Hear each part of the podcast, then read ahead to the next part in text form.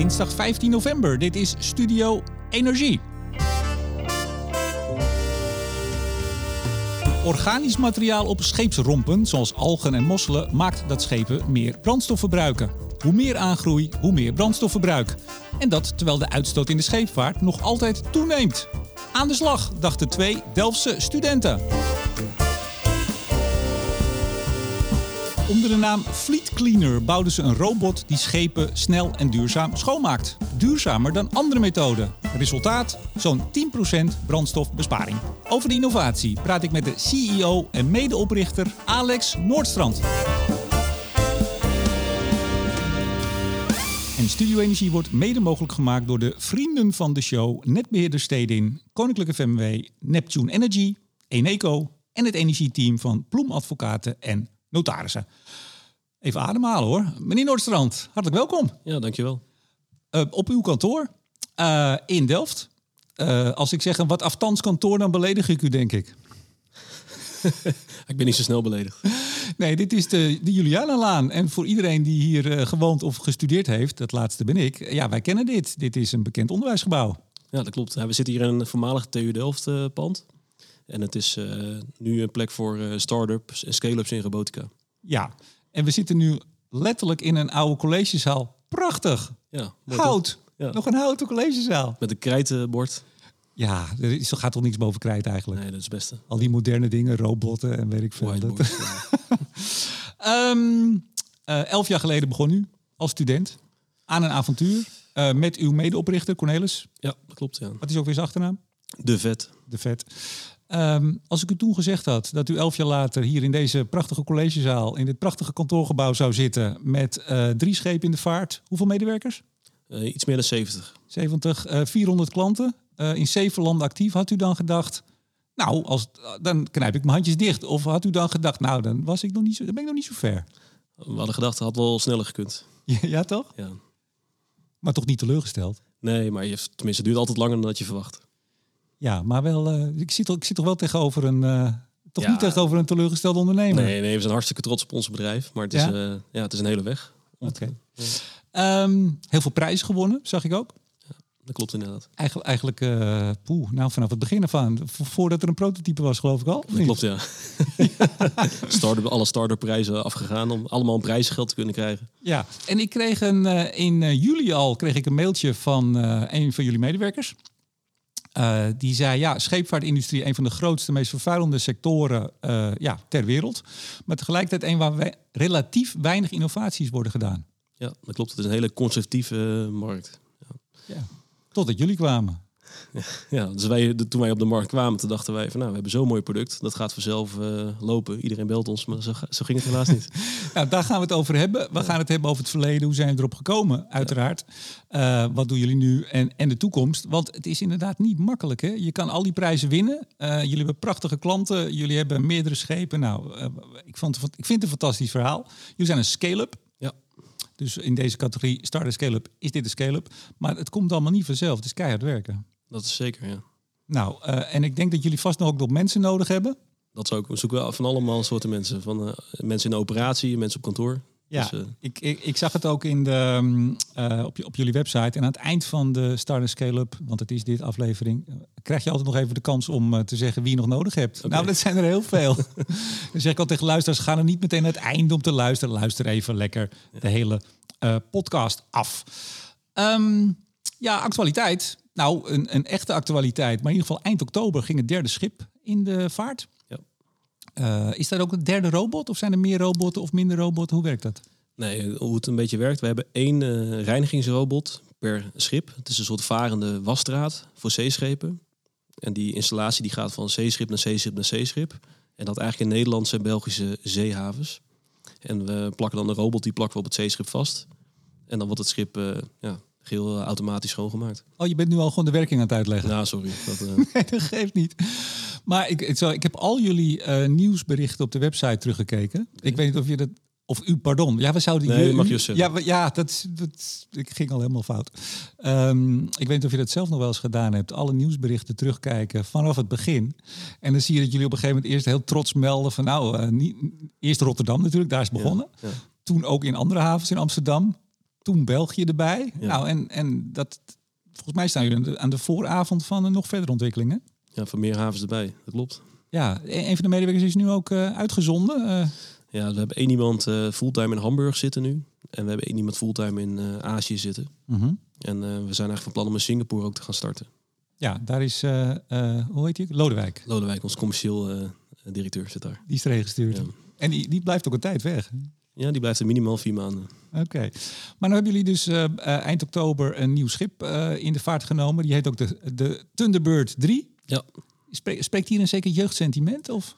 Nee, we dachten we moeten een soort, ja, je kan zeggen de Fleetliner 1, Fleetliner 2, dat vonden we een beetje saai. Dus we dachten, we doen een, gewoon een andere naam. En dat valt wel op, want er is heel veel marifooncontact in de haven.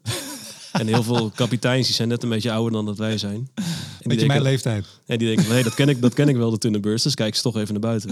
Of ze schrikken zich rot. Dat kan ook, ja. Maar dat was de Thunderbird 3 ehm, in Ant- Antwerpen gedoopt. Ja. Door eh, eh, een mevrouw eh, van een van jullie grote klanten. Ja. MSC. Voor wie niet in de, de maritieme wereld zit, dat is een hele grote ja, wat container. ja. Het is inmiddels de grootste containerreder ter wereld. Nou, en als je die tussen, tussen een van je 400 klanten hebt, dan. eh, Dat is niet gek, hè? nee, het, het ligt een beetje aan wat ze betalen. Maar het is vast goed, anders mogen ze het schip niet dopen. Ehm, maar toen zeiden jullie nou, we verwachten eh, eind, dus eind 2. Oh nee, pardon, bij het vorige schip, dat was juli vorig jaar. Ik ga even te snel.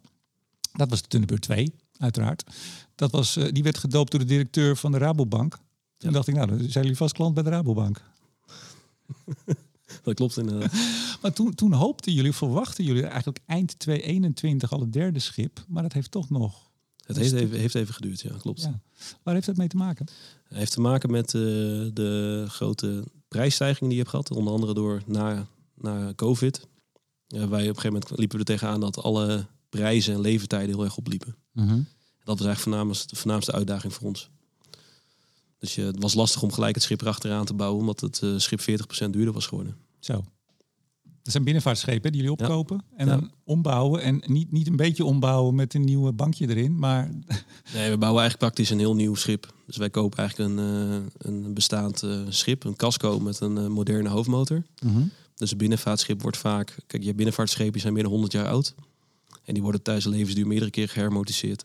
Dus wij kopen het schip en dan bouwen we eigenlijk vervolgens de hele installatie erin. ja. Wat, en wat is de hele installatie? Ja, dus wat, wat het eh, is, het schip vaart, vaart dus rond. En op het schip zelf zit een accommodatie. Dus daar wonen en daar verblijven de operators. Er zit een, eh, een energievoorziening. Dus er zit een benzinekamer eh, in met, een met je generator set. Er zit waterzuivering aan boord. En dat neemt een heel groot gedeelte van het schip in beslag. Ja. En er zit een, een ruimte met pompen. Een besturingskamer zit erin. En er zit een eh, magazijn in, een werkplaats. En er zit een, eh, een grote haspel staat in het midden. En dat is zeg maar waar de slang naar de robot eh, opgerold zit. Ja, nou over die robot en daar gaan we het al- allemaal over hebben. Maar vandaag, we nemen dit op maandag op, is er nog een primeur. Je zei het meteen al en ik zag een, een fonkeling in de ogen. Wat Ja. is vandaag voor de eerste dag? Wat gebeurt er? Ja, we zijn nu naar volledig continue bezetting van een remote control room. Dus we zijn eigenlijk begonnen met een, eh, dat is nog normaal, met alle operators aan boord die ook de robot bedienen. Maar we hebben het nu zo gemaakt dat we hier in Delft de controlekamer hebben gebouwd. En dat we vanaf hier eh, de robot zo kunnen besturen. Ja, en als jullie straks in Singapore en waar maar niet zitten, wordt het dus ook een, een 24-7 eh, bezette controlekamer, neem ik aan. Precies dat. Ja, dat is de uitdaging. Oh, dat is nog niet zo ver. Ja, dat is nu zover. Dus we draaien nu 24-7. Ja? Alleen het is best lastig om het hele bedrijf te, conformeren, of te, te converteren naar een volledig bemande controlekamer. Mhm. Eh, en het voordeel is dat je daarmee ook kan groeien buiten eh, Nederland en België. Ja, er is wel een klein nadeel voor eh, de mensen aan boord, want je hebt nog maar minder mensen nodig. Er zit ook een besparingsslag in natuurlijk. Dat ook, maar de werkzaamheden veranderen. Dus wij hebben niet minder mensen nodig, maar meer. Dus wij groeien met 100% per jaar. Dus wij hebben volgend jaar meer mensen nodig. Alleen de werkzaamheden die de mensen doen, die zijn anders.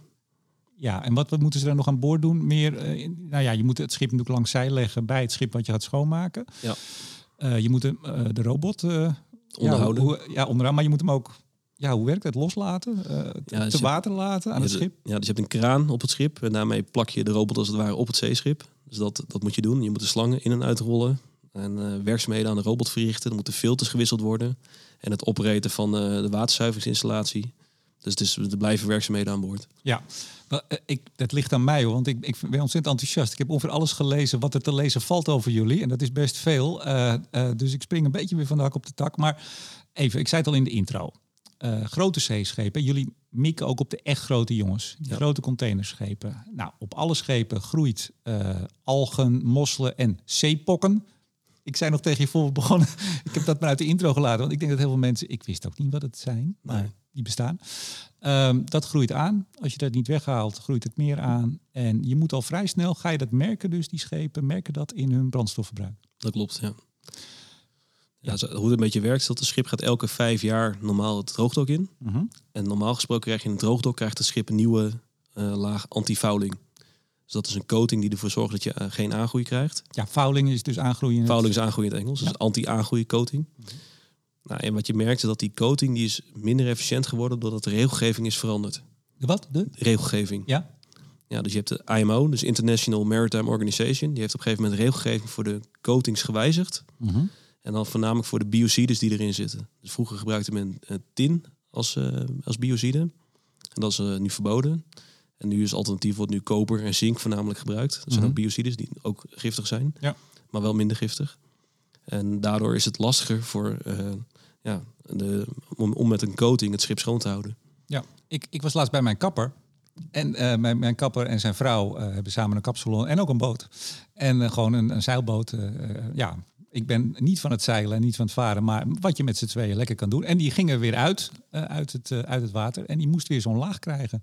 En dat deed hij zelf. Maar dat is een heel smerig spul. Dat zal ander spul zijn, denk ik, dan op de grote schepen, of niet? Nou, je merkt dat in de eh, binnenvaart, binnenwateren, dat zijn de regelgeving zijn strenger dan op zeevaart. Dus zeevaart mag je meer, ja, je antifouling mag hogere concentraties aan, aan biocides bevatten.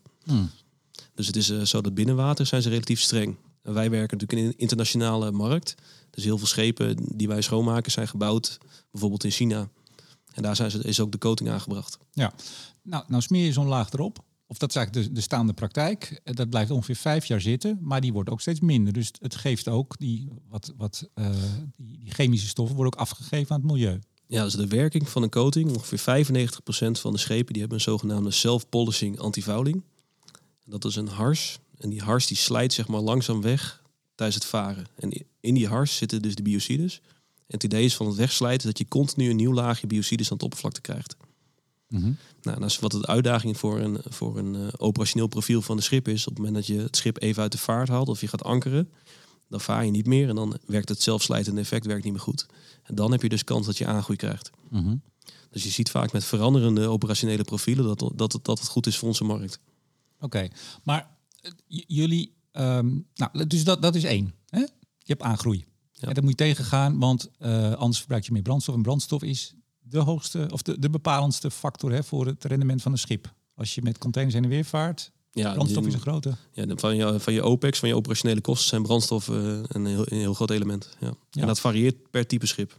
Oké, maar voordat jullie er waren, voordat Fleetcleaner er was, gebeurde toen ook al dat men meer deed dan alleen maar één keer in de vijf jaar die laag aanbrengen? Ja, het werd eh, voornamelijk schoongemaakt met duikers. En dat werd gedaan op ankergebieden. Dus eigenlijk eh, twintig jaar geleden mocht het op bijna 200 plekken in de wereld mocht je duiken. Dat was geen enkel probleem. En heel veel autoriteiten hebben nu gezegd van ja, dat willen we niet meer, want het is gevaarlijk, maar ook milieubelastend. Want er komt ook coating en aangroei komt in het baggerslip.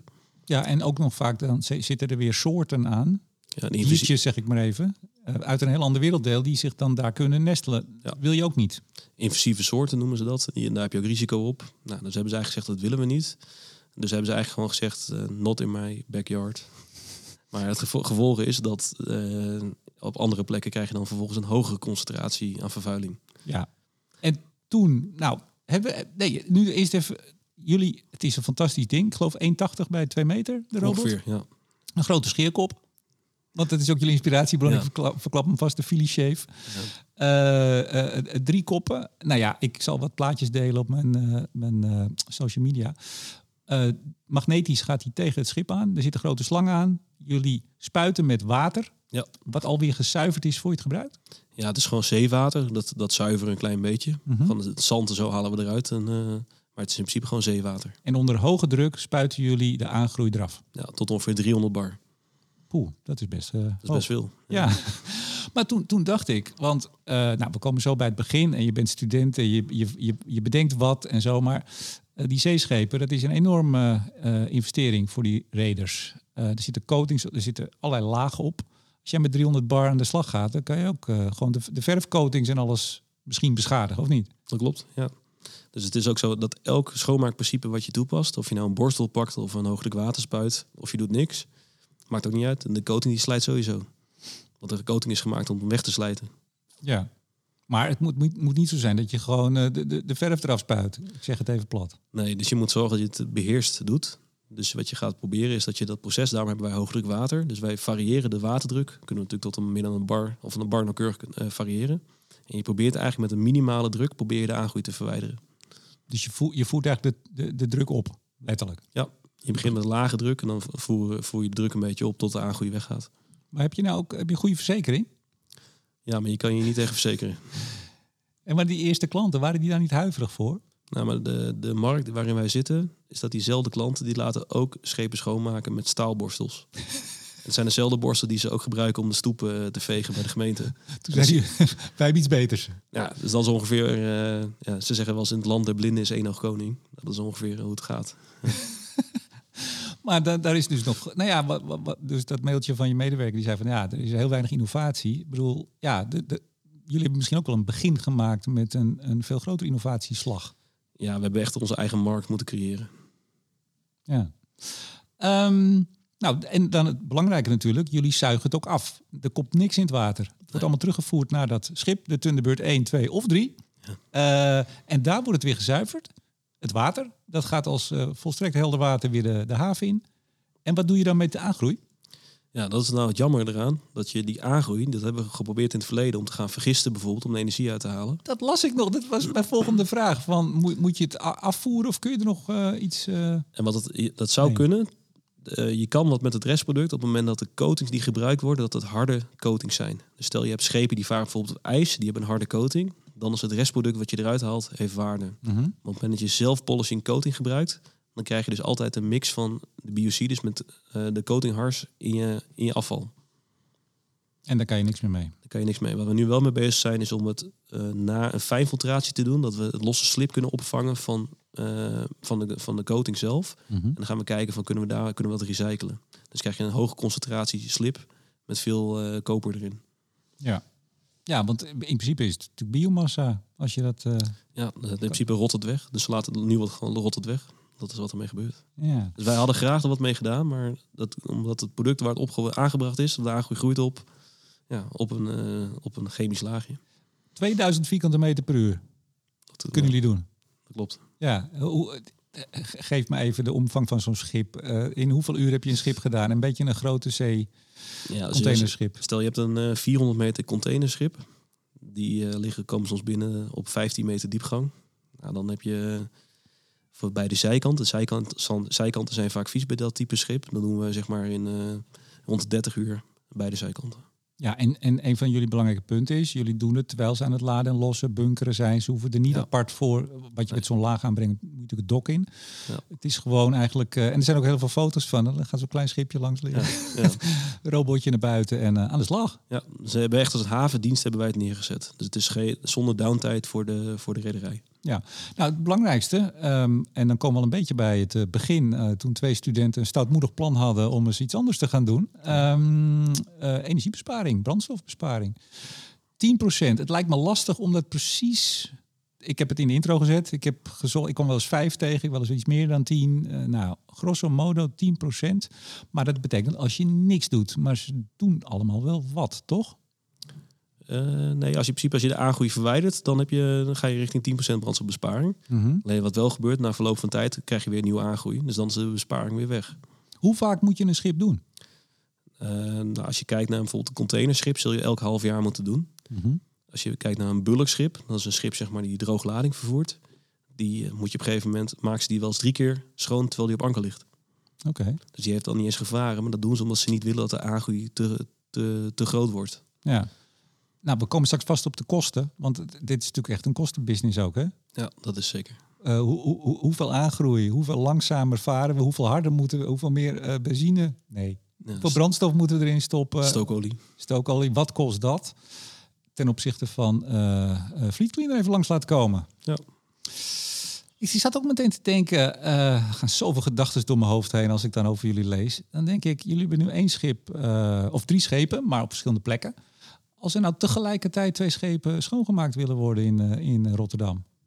Ja, je, je, je, er zijn er twee die kunnen in 24 uur, ik zeg eens wat. En ze zijn precies alle twee op diezelfde dag 24 uur binnen. Dan moet je eentje neef kopen. Dat klopt. En wat je dus altijd wil, is dat je een bepaalde overcapaciteit hebt. Dus dat op een gegeven moment, dat plannen wij continu in. En dan ga je vervolgens, ga je, zeg maar, als je geen werk hebt met één los schip, dan doe je twee schepen tegelijk op één zeeschip. Wacht even, nog één keer. Ja, dus wij doen soms twee robots tegelijk op één zeeschip. Ah, dus die wordt dan snel even overgevaren van, van Groningen naar Rotterdam of naar Gent of Ja. naar Antwerpen. Zodat je met die capaciteit kan spelen. Dus je wil je, zeg maar, je, je bezetting maximaliseren. Dat, dat vindt hier weer op de planningsafdeling plaats. Dat klopt, ja. 70 mensen al, hè? Ja, dat zeker. Ehm, ik zag nog wel, ik, want ik, ik googelde ook een beetje. Nou, je zoekt alles wat je kan vinden. Toen vond ik ook een, een Noors bedrijf. Jotum, spreek dat zo uit? Jotun. Jotun. Oh ja, ik zeg Jotum, maar dat komt door een... ik heb wel de goede bril op. Ehm, eh, een Hull Skating System. Zijn die na jullie gekomen of waren die er al? Nee, Jotun is, eh, van, eh, is een coatingfabrikant. Dus je hebt een, zeg maar vij- ongeveer vijf grote coatingfabrikanten. En Jotun is er één van. En die is zeg maar voorwaarts geïntegreerd. Dus die heeft gezegd van wij gaan nu naast de coating... gaan we ook een product erbij verkopen die het schip regelmatig schoonmaakt. Het is vast met het Zweedse Semcon. Klopt. Dat is een ingenieursbureau, die hebben ze ingehuurd om het te ontwikkelen. Maar dat is een beetje zoals je van die automatische grasmaaiers ziet. Zo'n klein dingetje wat eh, tegen de zijkant. Ik vind die van jullie in ieder geval indrukwekkender. Maar werkt dat van hun ook? Eh, Ik, ik ga over mijn concurrenten niet eh, iets zeggen. Maar het is zo dat zij een robot verkopen per schip of leveren op, een, op een vorm. En wij hebben een ander model. Wij zeggen wij hebben één robot in de haven en wij doen ja, ongeveer 150 zeeschepen per jaar met één robot. Ja. Ik kan me voorstellen dat als je dan zelf zo'n robot koopt, zo'n kleintje eigenlijk. Misschien klopt de vergelijking wel met zo'n klein grasmaaiertje. Dat is van andere kwaliteit. Alleen die kan je voortdurend, als je wil, kan je hem inzetten. Je eigen robotje. Dat klopt, ja. Nee, je hebt een bepaalde exploitatiekosten ermee. En de vraag is van wat is, wat is het meest eh, financieel meest aantrekkelijke? Ja. Heeft jullie systeem eigenlijk nadelen? Dat sowieso. Elk, elk- alles heeft zijn voor- en zijn- en zijn tegens. maar Vertel. Wat onze nadelen zijn. Oh, je even een slokje koffie. ik ga even een slokje koffie nemen. Ja, doe dat. Denk even rustig na. Nou, ik zat, ik zat me dat wel af te vragen. Misschien komen we straks op een prijsnadeel, wellicht of niet, weet ik niet. Maar Ons grootste nadeel is dat wij, dat is een voordeel en een nadeel, wij zijn gevestigd eigenlijk in, eh, in Nederland. En voornamelijk in Rotterdam doen we heel veel werk. En Rotterdam is natuurlijk een haven met eh, stre- strenge milieuwetgeving vergeleken met andere grote eh, landen en havens. En daardoor hebben wij zeg maar, een groter werkschip nodig vanwege de hele waterzuivering. En de waterzuivering is voor onze business een nadeel, omdat het extra kosten zijn voor eh, de rederij. En wat je merkt is dat het afval wat wij genereren, daar hebben wij de grootste uitdaging mee, daar moeten wij voor betalen. Dus de incentive in de markt is er niet om te innoveren op afvalwatersystemen. nog niet. Nog niet. En daar zijn we mee bezig. We zijn er ook een eh, proces voor bezig. Want wij geloven erin dat je het afval wat wij genereren op een gegeven moment moet zien als eh, zee. Eh, afval wat van het zeeschip afkomt. Ja. En daarvan is er alweer een systeem eh, geïmplementeerd dat schepen altijd een bepaalde surplus betalen op de havengelden. Zodat ze ook het afval vervolgens gratis kunnen afgeven in de haven en niet overboord zetten. En wij willen eigenlijk aansluiten bij dat systeem. Ja, maar ik bedoel ook nog niet eh, de, het bewustzijn. Nogmaals, de scheepvaart. Ik heb nog even de, de cijfers proberen te vinden. Wat nu de scheepvaart doet wereldwijd aan uitstoot. Dat is eh 1%. Ja, het is eh, international transport. Dat is, maar dat is vliegen en, en scheepvaart bij elkaar. Ja. Dat zit, dacht ik, zo op 2%. Om en erbij. dat zou best op dat? die orde Ja, grootte. Ja, orde grootte. Belangrijk is dat 2,5% per jaar groeit. De uitstoot van de zeescheepvaart. En ik denk dat daar op een gegeven moment jullie Ehm, nou, de bewustwording ook in de zeescheepvaart dat, het, eh, dat er minder uitgestoten moet worden, dat het milieuvriendelijker moet, de reiniging en niet meer met biocide en wat allemaal maar, en duikers en, en Ja. noem maar op. Toch? Dat, dat lijkt me jullie grote en- voordeel. Wat je merkt, zeg maar, is dat per vanaf eh, januari eh, volgend jaar Mhm. krijgt elk schip krijgt een energielabel. en het is niet zoals dat energielabel gaat van hoe, wat voor label heb je bij aanschaf, maar het gaat voornamelijk over eh, je uitstoot tijdens de operatie. Dus wat zeg maar de afgelegde weg van een schip en de hoeveelheid brandstof die je hebt eh, verbruikt, dat wordt op elkaar eh, gedeeld. Mhm. En dan krijg je een bepaalde efficiëntie. Dat wordt vergeleken met de benchmark. En dan kan je zeggen, als je goed presteert, krijg je energielabel A. En als je slecht presteert, krijg je energielabel F. En het mooie is dat het reinigen is eigenlijk een, een laaghangende fruit wat je kan doen om, het, om een relatief goed energielabel te halen. Nou, dat is uh, Dus dat, appeltje. Ja, dat is, Toch? mooi, dat is mooi toch? Dat Wanneer komt dat? eh, of dat, dat Vanaf is- januari. Nou, Dus dat gaat, denken wij, denken wij dat het daardoor, wat wij merken, is dat heel veel zeeschepen, ongeveer 70% van de schepen zijn gecharterd. Dus dat betekent dat eh, de eigendom is niet van degene die het schip eh, inzet.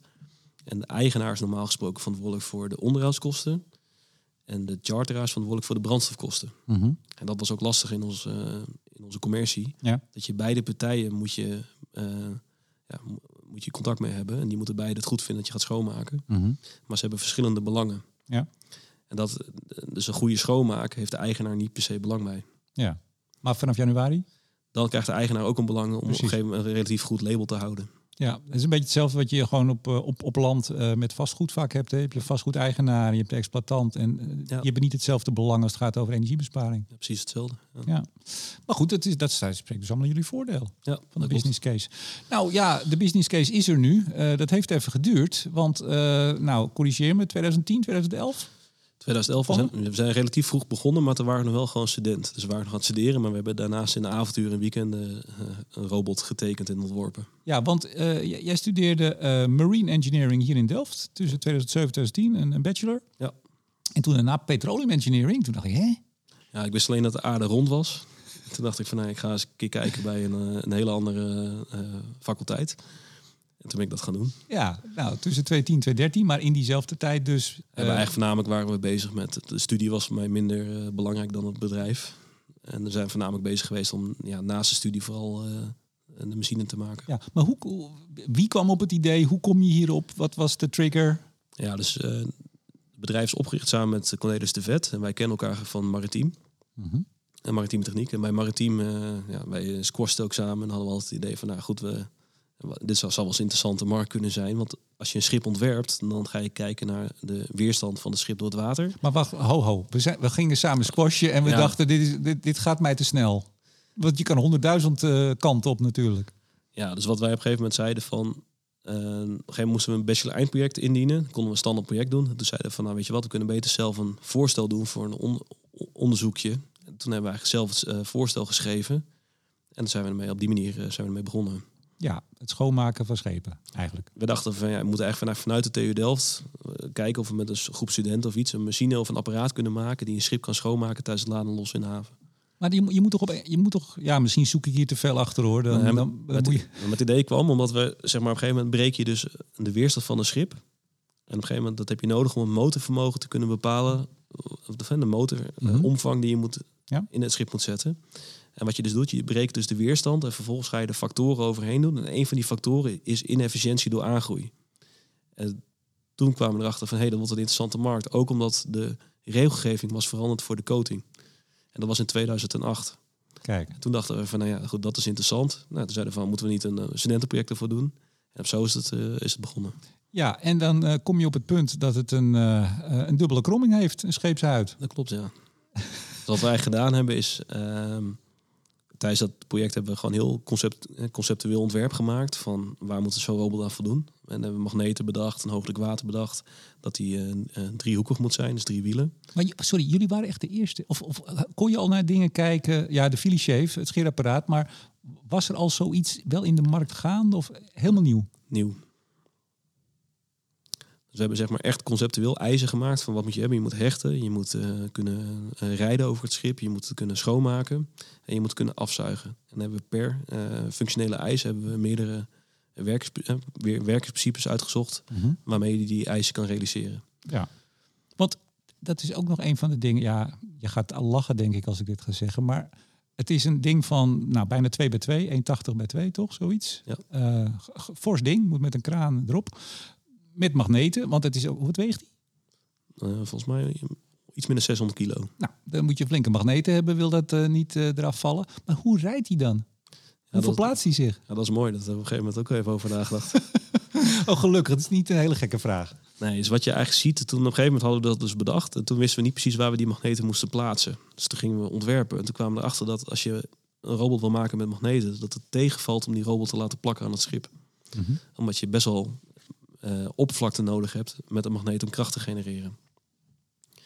En eigenlijk kwamen we er parallel achter. Zijn we dus langs allemaal leveranciers gegaan van die hogelijk watercomponenten maken en allemaal andere dingen. En ook als je thuis bijvoorbeeld een, een trasreiniger hebt, dan heb je vaak twee nosseltjes. En een nosseltje wat je hebt, is een gaatje waar water uit komt, is ongeveer een millimeter diameter. Mhm. En dat, dat laat je vervolgens laat je het heel snel ronddraaien. En dan heb je een soort cirkel die je schoonmaakt. En die beweeg je vervolgens vooruit. En op die manier maak je een oppervlakte schoon met eigenlijk een gaatje van 1 mm. Dus je hebt eigenlijk, ja, dus je hebt eigenlijk altijd daar een bepaalde ronde kop. Dat is gangbaar in de markt. En toen dachten we van ja, dat is best wel interessant om die ruimte daar in het midden van die ronde kop te gaan gebruiken om daar een magneet kwijt te raken. Ja. Maar, maar op, als hij verplaatst, dan moet hij op een gegeven moment zich dus even losmaken. Nee, want het is, we hebben zeg maar. eh, de, de, de, de, de robot heeft drie koppen. En die koppen zitten vast aan een soort arm. En in die arm zit een soort kardankoppeling. En het armpje, daar wordt aan getrokken met de cilinder. En als je dan te hard trekt, trek je de kop los. Maar als je niet te hard trekt, dan druk je als het ware je grote wielen, die drie grotere aandrijfwielen, die druk je tegen het schip aan en daarmee rij je hem vervolgens vooruit. Dus de kop zelf, die heeft dus hechting, reiniging en afzuiging. Mhm. Vervolgens ga je aan die kop trekken. Dus stel als voorbeeld, je hebt 1000 kilo magneetkracht. Ga je er met 500 kilo aan trekken. Dus trek je hem niet los. Dan breng je 500 kilo van je kracht over naar je grotere wielen die je naast die kop zet.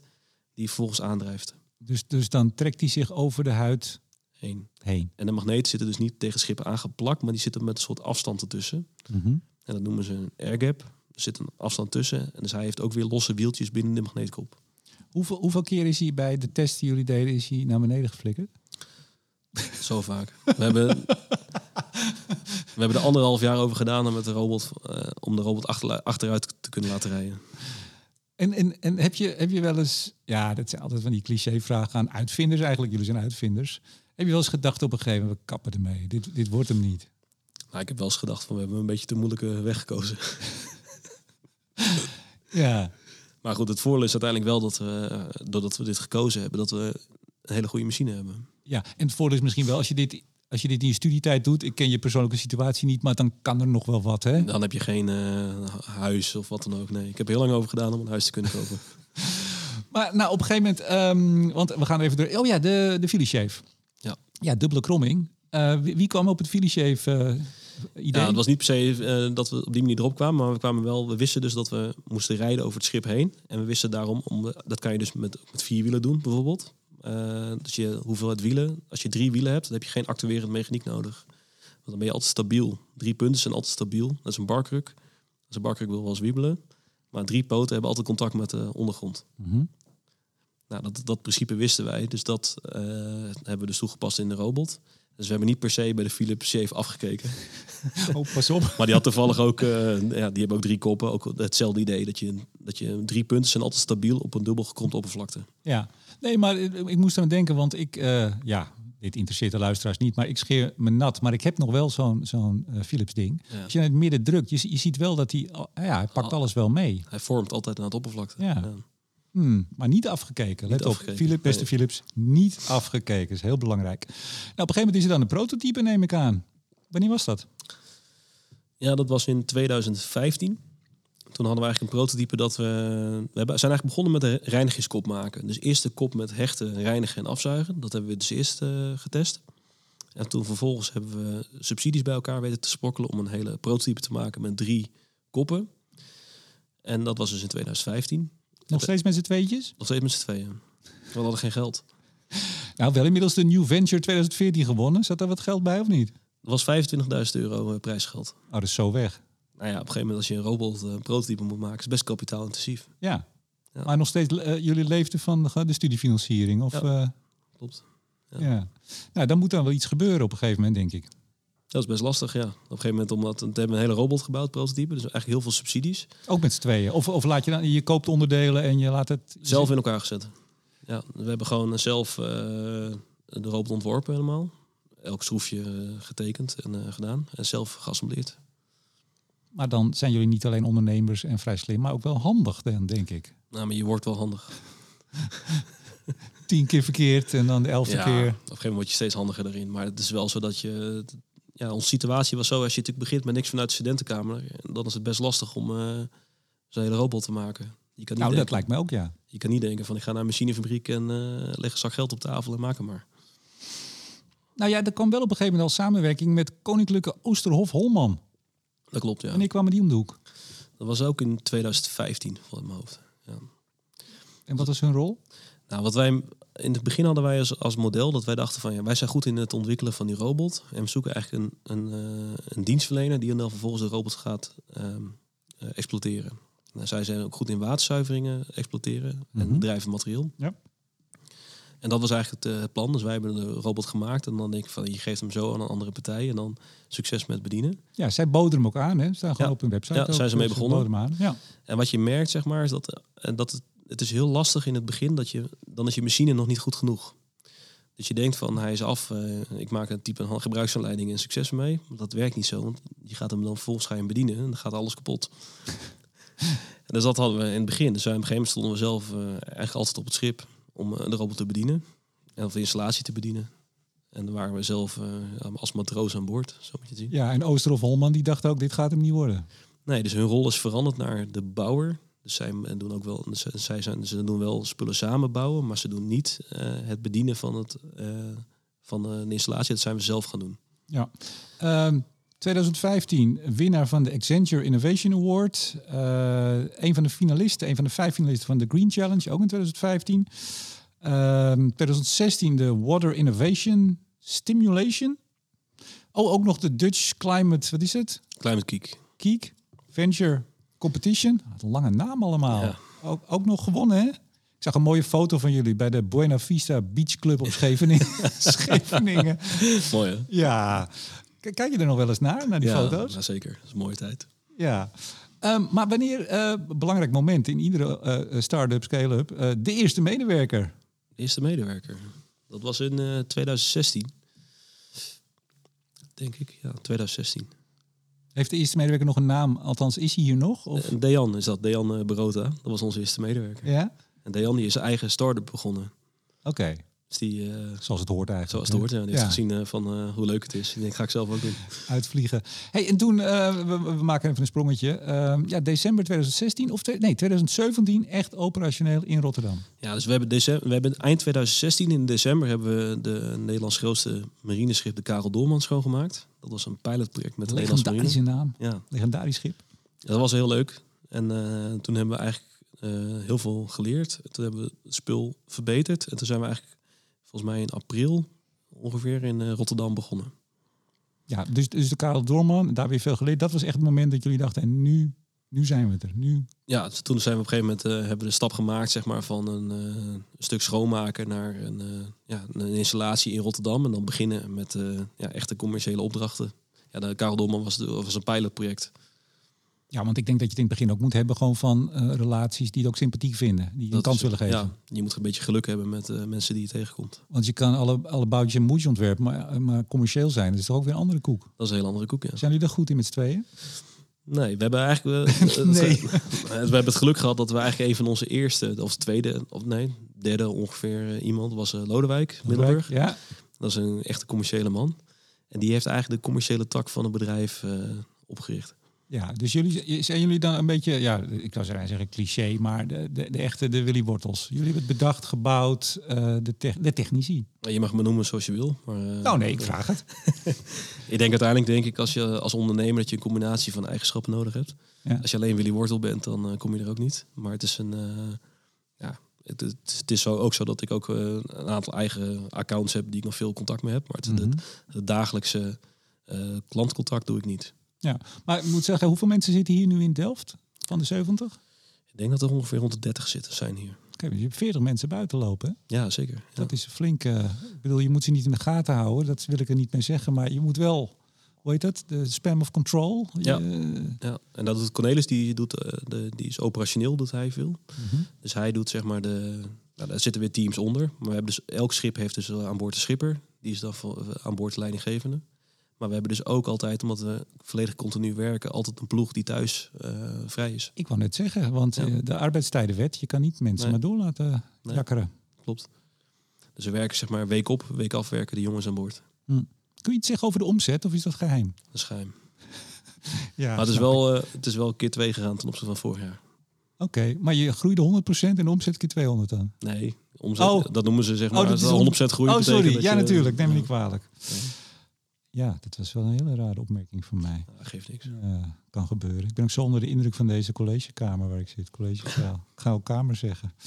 Ehm, terug naar de, de lijn. Ehm, even, hoe ging het? Eh, Eerste medewerker hadden we het over. Hoe, hoe, hoe snel gaat het dan? Gaat het van 5 naar 10, naar 20, naar 30?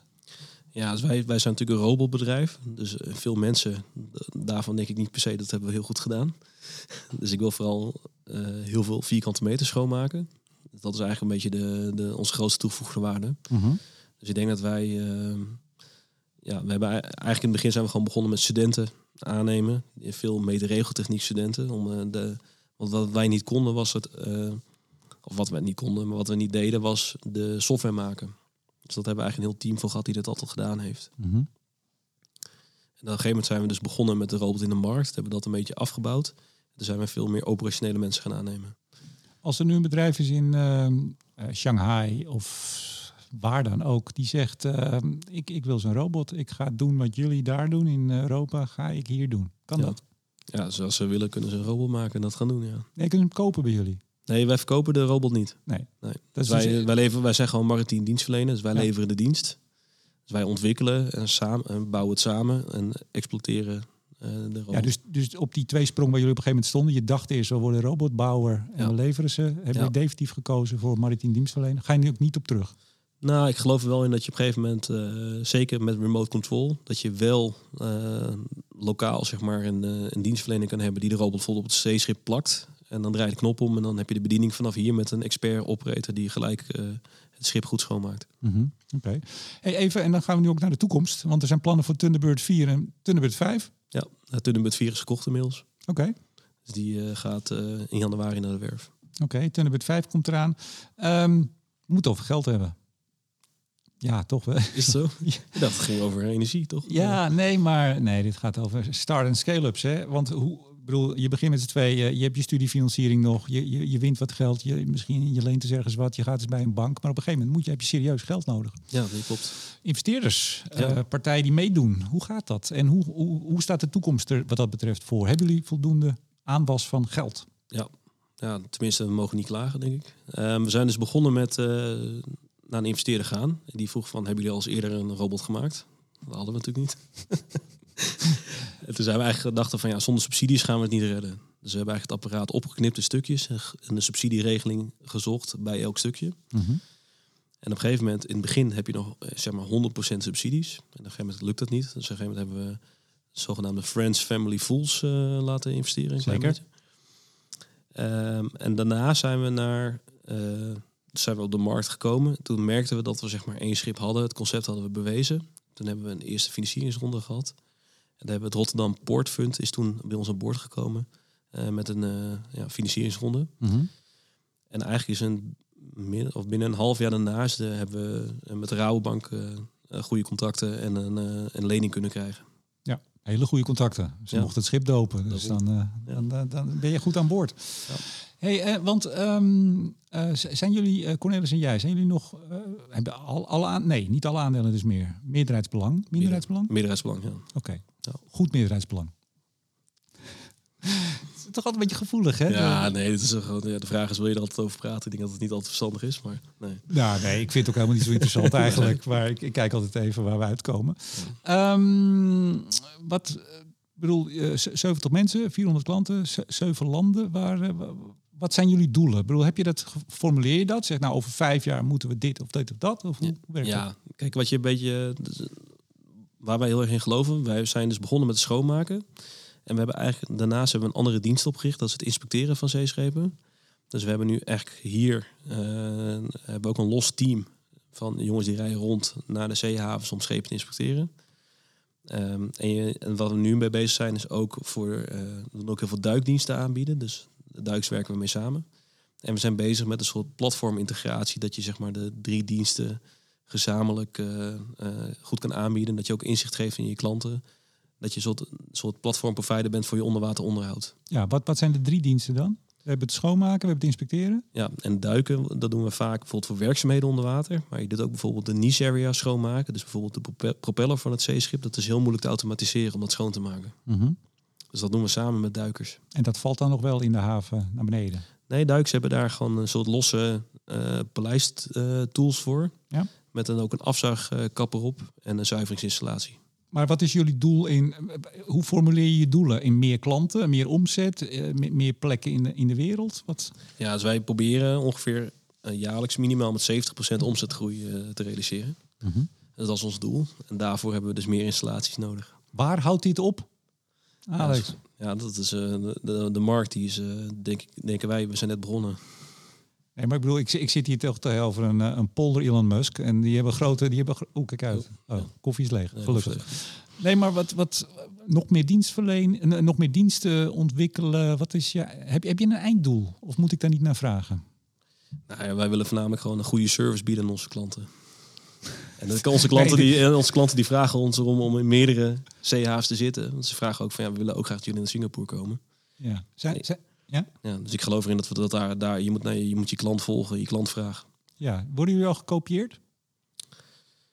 Nee, nou, niet, zo, niet hetzelfde concept als wat wij hebben. Dus je ziet wel in de markt dat je vanuit de, uit Noorwegen heb je op een gegeven moment eh, de visserijindustrie gehad. En die hebben allemaal netten. En die netten die raakt ook eh, vervuild. En er zijn een aantal robotjes gemaakt om die netten schoon te maken. En op een gegeven moment hebben ze die robots eh, ook op een zeeschip gezet. Nou, en je ziet eigenlijk dat dat concept zie je ongeveer vijf partijen die dat eh, hebben. Mhm. En dat is eigenlijk een andere weg die wij hebben. Maar goed, dat, eh, dat werkt ook.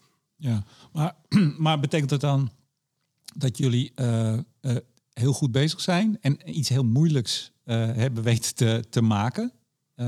Of betekent het dat andere partijen er gewoon helemaal geen brood in zien? Dingen, nou toch niks. Ik denk dat de uitdaging in onze sector is dat je, dat je als je zo'n reinigingsinstallatie maakt, dat je heel veel aantallen maakt.